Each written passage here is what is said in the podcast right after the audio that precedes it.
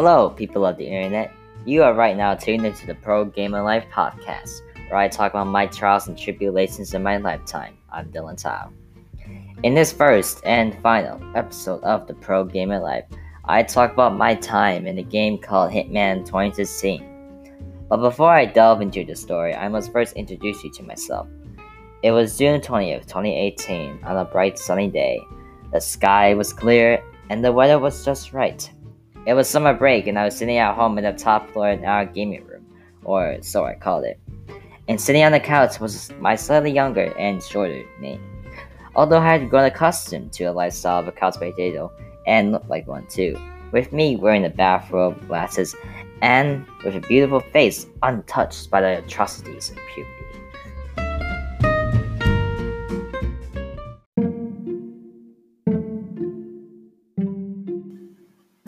I popped in the disc of Hitman 2016 into my PlayStation 4 and decided to play. The title screen flashed, showing an image of the logo Hitman in a white background with different locations around the world. I scrolled through the menus and happened upon the notorious Colorado. I decided to play this map on the highest difficulty due to bragging rights and the reward that the game would grant me if I completed with the best rating, Silent Assassin. On my first attempt at the game, I was immediately dropped into the level the entire map was hostile to me. All seemed to be going well as I eliminated my first target via an accident with an exploding fire extinguisher. But all was for naught as soon as I was spotted by a guard. I sighed in frustration at the unlucky start and decided to have another go at it. On my second attempt at the map, I managed to make it a little farther into the map. After repeating the process of having fun times with the first target, I made it to my second target. As I waited for this woman to move under the conveniently placed haystack hanging by a string, I started to think that maybe I should go outside for a change instead of wasting my life getting a couple of challenges done in Hitman. I then thought, screw all that, the pro game of life is the best game of life, and promptly sent the target to the darn haystacks to the sky. After that turn of events, I moved farther into the map and into the house near the orchid field where two of my best friends resided. But alas, a security guard out of seemingly nowhere had spotted me, and suddenly every single guard knew where I was. Thus, my silent assassin was forfeit.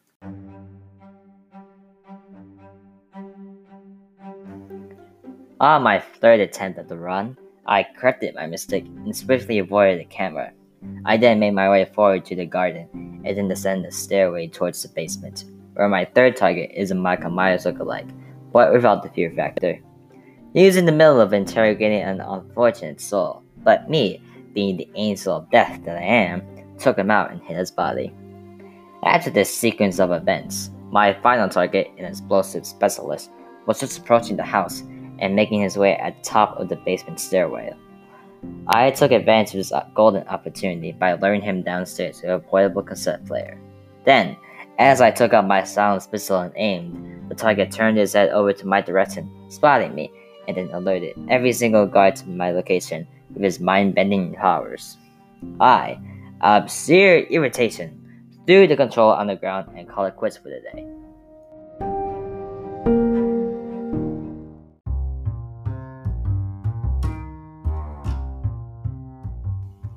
Two days later on a stormy afternoon, I have since recovered from this life changing event. After letting off some steam by beating my brother in Smash Brothers, I have since returned to this game with newfound enlightenment. It was now the fourth attempt I picked up where I left off, inside the house in the basement. I have since redirected my approach to be more ad friendly. Once again, I alerted my target into the basement. As he walked down, I readied myself to use a foolproof method the infamous exploding fire extinguisher.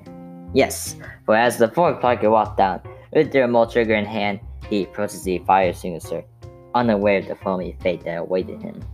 And as he walked across it, I let loose on the trigger, exploding the extinguisher and the target into a million pieces. The mission was a success, and thus I made my exit. Overall, the experience was worthwhile as it had improved my tolerance to many situations and caused me to think of solutions to problems in a more methodical method.